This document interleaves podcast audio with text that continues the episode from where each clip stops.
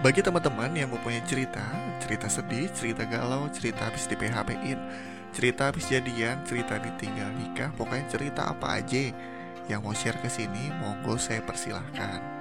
Kalian bisa banget share dan kirim cerita kalian ke email nanopodcast di nanopodcast77 at gmail.com dan bisa juga DM di IG-nya nanopodcast di nanopod77 dan hey, balik lagi bersama gue Andi dan selamat datang di Nano Podcast. Pada episode ke-9 di Nano Podcast kita akan membahas mengenai love story, perjalanan love kehidupan pribadi seorang Andi. bagi kalian yang mau dengerin silakan monggo atau bagi kalian yang uh, pengen skip ya silakan nggak masalah. Itu bukan masalah buat saya bagi kalian yang mau dengerin juga nggak apa-apa gue ucapin terima kasih. Di episode ke-9 di episode ke-9 yang berjudul Love Story ini gue akan ngebahas mengenai perjalanan cinta gue ceritanya dimulai dari awal dulu waktu gue SMA gue bersekolah pada umumnya berinteraksi dengan siapa aja gue aktif di beberapa keorganisasian Sampai akhirnya gue ngeliat seorang wanita yang menurut gue ini cantik banget sih. Gue berpikir untuk mencoba berkenalan dengan dia, tapi gue nggak pede. Sial, bucin banget nih cerita, sumpah. Episode bucin parah. Terus gue gua gua gua ngerasa kalau dia tuh kayaknya cantik banget. Gue ngerasa kayaknya dia uh, sesuai dengan tipe dan kriteria gue. Akhirnya gue berkenalan dan mencoba deket dan ternyata dia suka. Gue nggak kebayang sama orang kok apaan sih? Andi tuh gue gambarkan dengan sebuah gambaran yang kurus tinggi kucil hitam jelek. Pokoknya kayak gitu. Tiba-tiba ada yang respon balik perasaan gue dan gue kaget pada saat itu Singkat cerita kita berkenalan dari SMA kelas 3 eh SMA kelas 2 waktu itu gue dan dia SMA kelas 1 perjalanan perkenalan mencoba akrab dan akhirnya bisa jadian. Gue juga gak nyangka sih itu salah satu uh, itu bisa dibilang juga sebagai cinta pertama gue waktu di SMA entah kenapa atau ada masalah apa tiba-tiba kita putus. Gue juga nggak ngerti deh tiba-tiba. Gue ngerasa kayak dulu tuh Eh, masa-masa uh, zaman yang cinta-cinta monyet nih bagi kalian yang sama gue gak ngerti deh kok bisa ya? Tiba-tiba suka aja gitu tanpa ada alasan cantik kagak jelek kagak ya tiba-tiba demen aja. Uh, eh, gue lulus SMA dan gue ngerasa kayak udah jarang komunikasi mungkin itu jadi salah satu faktor juga. Kemudian dia juga kayaknya lebih nyaman untuk fokus ke sekolahnya deh. Kemudian kita jarang ketemu dan akhirnya kita lost contact dan sampai akhirnya gue dapat kabar kalau dia nikah. Suatu saat gue diundang ke pernikahannya dan gue datang. Di situ gue datang sendiri dengan maksud dan tujuan untuk memberikan selamat kepada dia. Seenggaknya gue memberikan apresiasi kepada dia Walaupun dia bukan siapa-siapa gue sekarang Yang penting gue udah gentleman dan berani untuk datang ke undangannya Gila gak lo? Hei, manusia macam apa yang datang ke nikahan mantan? Datang sendiri gak bawa apa-apa. Di nikahan ini gue makan banyak, mampus lu gue makan banyak. Wah, gue habisin. Tadinya gue pengen cabut tuh sound systemnya biar biar biar pas lagi ada musik. Sungguh indahnya pengantin baru tiba-tiba mati. Cidet. Anjing jahat banget. Apa nggak tiba-tiba uh, ah, gue ke belakang panggung gua tarik itu biar jatuh semua. Tapi enggak enggak itu cuma bercanda aja. Kemudian lanjut ke setelah gua SMA gua lanjut untuk kerja. Di kerjaan atau enggak di tempat kerja gue yang lama tuh gue ya berinteraksi dengan beberapa orang yang notabene gue baru tahu kalau oh ternyata ada cewek cantik loh di situ gue ngerasa kayak oh gue bisa nggak ya kenal sama mereka? Kayaknya bisa nggak ya gue akrab sama mereka. Tapi di sisi lain gue sedikit minder dengan kondisi gue yang tadi gue gambarkan. Andi yang Andi yang kurus kucel jelek hitam. Nggak mungkin gue bisa uh, kenal ataupun akrab sama wanita yang gue idaman idamkan. Tapi uh, di situ gue belajar tentang cara uh, berpenampilan cara bertata krama cara bersosialisasi dengan orang yang berbeda gue ngerasa kayak gue di saat itu gue mulai berubah sih. Kayaknya di tempat kerjaan pertama gue itu kayaknya ngerasa gue eh ini apaan sih? Ini kayak gue kayak curhat ya udah amat lah. Ini namanya juga love story gue juga bingung mau cerita apa. Uh, akhirnya gue cerita uh, dengan hal yang dekat-dekat aja dulu kemudian uh, gue ngerasa di tempat kerjaan gue itu adalah tempat di mana gue berubah gitu loh. Dalam hal ber, uh, cara berpenampilan cara tata krama cara bersosialisasi cara pergaulan uh, orang dewasa tuh kayak gimana. Sampai akhirnya gue ketemu sama seseorang yang bisa dibilang mantan kedua. By gue punya tiga mantan dan tiga tiganya sudah nikah dan mereka semua brengsek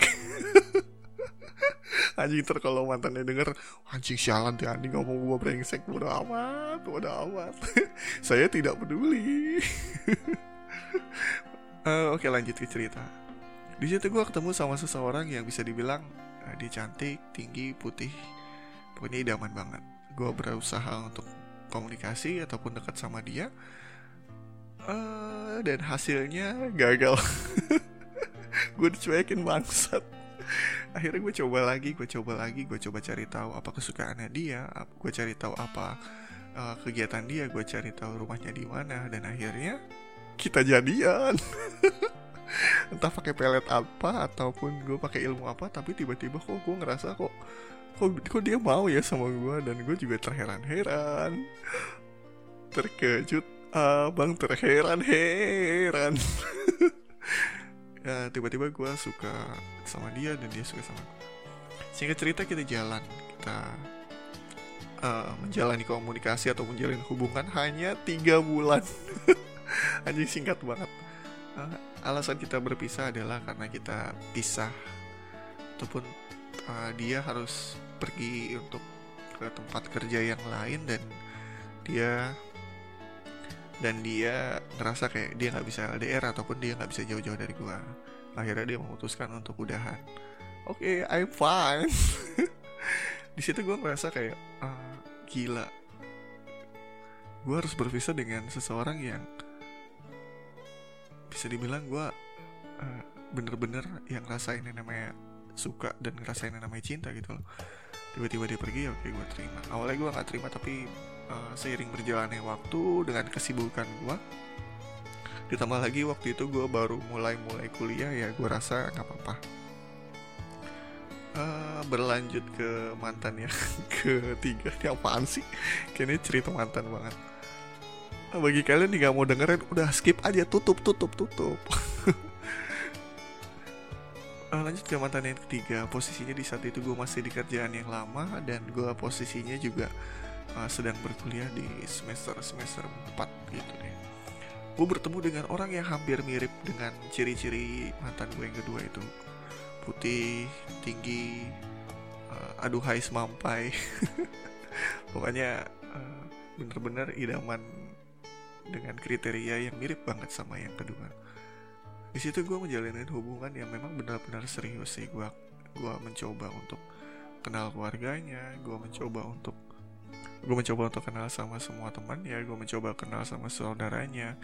Gue berusaha untuk datang setiap hari kalau pulang kerja tuh gue selalu nganterin. Tapi di saat itu gue ngerasa kayak kok ada yang beda ya? Apa gue yang salah? Ternyata ya ternyata hubungan kita ada sedikit batu kerikil. Mantan gue yang kedua tiba-tiba balik lagi ke tempat kerjaan gue yang dulu. Setelah uh, setelah uh, mantan gue yang kedua itu pergi jauh tiba-tiba kok datang lagi ke tempat kerja yang sekarang uh, ke tempat kerja yang dulu. Jadi posisinya gitu kita dalam satu tempat jadi gue sama pacar gue yang baru dan mantan gue datang. Itu sebuah neraka bagi saya dan saya bingung. Sisi lain posisi dulu mantan gue yang ketiga ini cemburuan banget jadi setiap apa-apa ataupun kegiatan gue itu selalu diawasin dan setiap apa yang gue lakuin itu salah dan disangkut pautkan dengan mantan gue yang kedua. Gue nggak ngerti kenapa bisa kayak gitu. Gue berusaha mencoba untuk menenangkan gue berusaha untuk mencoba memberikan hal-hal positif tapi yang gue dapat adalah hanya curiga curiga curiga dan kecemburuan yang gue dapat. Di situ gue ngerasa kesel dan gue rasa apaan sih? Kok gue hubungan kayak gini banget hubungan kita hubungan gue dengan mantan gue yang ketiga ini berjalan cukup singkat juga sih. Kita berkenalan dari awal hingga hanya berjalan 6 bulan atau 7 bulan sih 8 bulan sih. Di situ gue ngerasa kayak gue udah serius tapi ternyata faktanya dan gue gagal. Uh, penyebab kegagalannya adalah karena si doi yang ketiga ini cemburu sama mantan gue yang kedua. Padahal mantan gue yang kedua itu udah nikah nggak penting banget dan akhirnya dan faktanya semua mantan gue udah nikah dan gue belum parah banget ini kayaknya curhatan banget deh hey hey bagi kalian jangan mencia-siakan seseorang Jangan selingkuh, jangan main api, jangan ngecewain dia. Jangan sampai kalian kena karmanya. uh, dan gue mau cerita kepada teman-teman. Uh, Sebenarnya gue aneh juga sih setelah putus dari mantan gue. Gue ngerasa kayak apain sih gue kenal sama cewek gitu. Gue nggak peduli gitu sama kenal sama cewek. Banyak orang yang kayak sok kenal so deket sama gue, tapi gue ngerasa uh, eh, gue nggak gue nggak mau ah kenal sama mereka gue takut untuk menyakiti hati gue dan gue takut untuk menyanyiakan waktu yang gak penting gitu loh bukan untuk gue jadi gue ngerasa kayak gak pede aja setelah kejadian itu bahkan itu berjalan gue hampir bodo amat sama kenal cewek itu udah hampir setahun lebih deh tapi gue ngerasa kayak yaudah bodo amat lah lagi pula juga gue gue yakin untuk ketentuan jodoh rezeki dan maut itu diatur oleh Tuhan. Kita sebagai hambanya hanya bisa untuk istiqomah percaya bahwa apa yang sudah digariskan atau apa yang sudah ditentukan itu pasti terjadi. Uh, berjalan gua beberapa hari, beberapa bulan, beberapa tahun. gua sendiri, gua ngerasain kesendirian itu tapi gue ngerasa nyaman gitu. Sampai akhirnya gue kayak ngerasa ah males ah pacaran ngapain? Di suatu ketika gue bertemu dengan temen gue kita ngobrol di tempat dan obrolan kita itu sedikit ngebuka hati gue tentang persepsi masalah cewek di situ gue ngerasa kayak bener juga sih dia dan dari kata-kata teman gue yang paling gue ingat adalah uh, di sebenarnya ada nggak sih orang yang benar-benar memperhatiin lu di saat lu masih uh, di saat lu masih sama yang dulu di saat lu masih ada sekarang di saat lu masih jatuh ataupun di saat itu ada nggak sih? Gue ngerasa kayaknya oh iya ya tapi gue nggak tahu ya apakah gue yang kepedean ataupun memang iya gue ngerasa uh, dia tuh selalu memperhatikan gue di saat gue ulang tahun dia selalu ngucapin ulang tahun ke gue bahkan dulu tuh kayak mantan-mantan gue tuh nggak inget sama uh, ulang tahun gue tapi dia tuh selalu inget uh, akan ulang tahun gue dan gue inget banget dia tiga kali ataupun tiga kali ngucapin ulang tahun tanggal yang sama dan di waktu yang sama. Padahal gue nggak nggak peduli sama dia.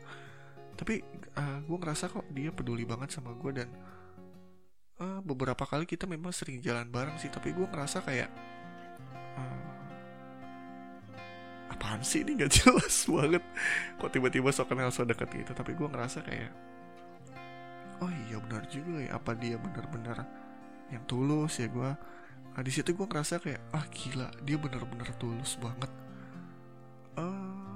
sampai sejauh itu gue nggak memikirkannya. Tapi di saat saat yang benar-benar gue nggak tahu tiba-tiba dia muncul dengan memberi memberi sebuah uh, perhatian dan ucapan-ucapan kecil yang sebenarnya sih nggak terlalu berarti. Tapi kalau kita renungkan dan kita pikirkan itu apaan sih renungkan dan pikirkan? Kayak lagunya kangen band coba kau pikirkan coba kau renungkan oke lanjut. Gue ngerasa kayak dia tuh tulus banget gitu loh. Uh, eh, gue nggak mau sebutin nama tapi gue panggil dia dengan Vinanita ya nah mungkin nanti gue akan sensor kali ya namanya. Uh, itu adalah uh, nama dia yang gue nggak tahu dia setuju atau enggak mungkin nanti akan gue tanyakan dulu ke orangnya apakah namanya Vinandita. Ntar gue sensor. Tit kok gue jadi salah tinggal gini ya? Oke okay. kemudian gue ngerasa kayak dia nyaman banget kita akhirnya. Dan gue memutuskan untuk mencoba membuka hati gue dan di situlah uh, gue ngerasa kayak hati gue tuh ketemu sama seseorang yang luar biasa gitu loh. Gue ngerasa nyaman gue ngerasa semua yang dulu pernah gue rasain itu kembali. Tapi di sisi lain gue kayak takut juga sih takut ngecewain dia ataupun takut eh, nggak uh, bisa memenuhi ekspektasi kita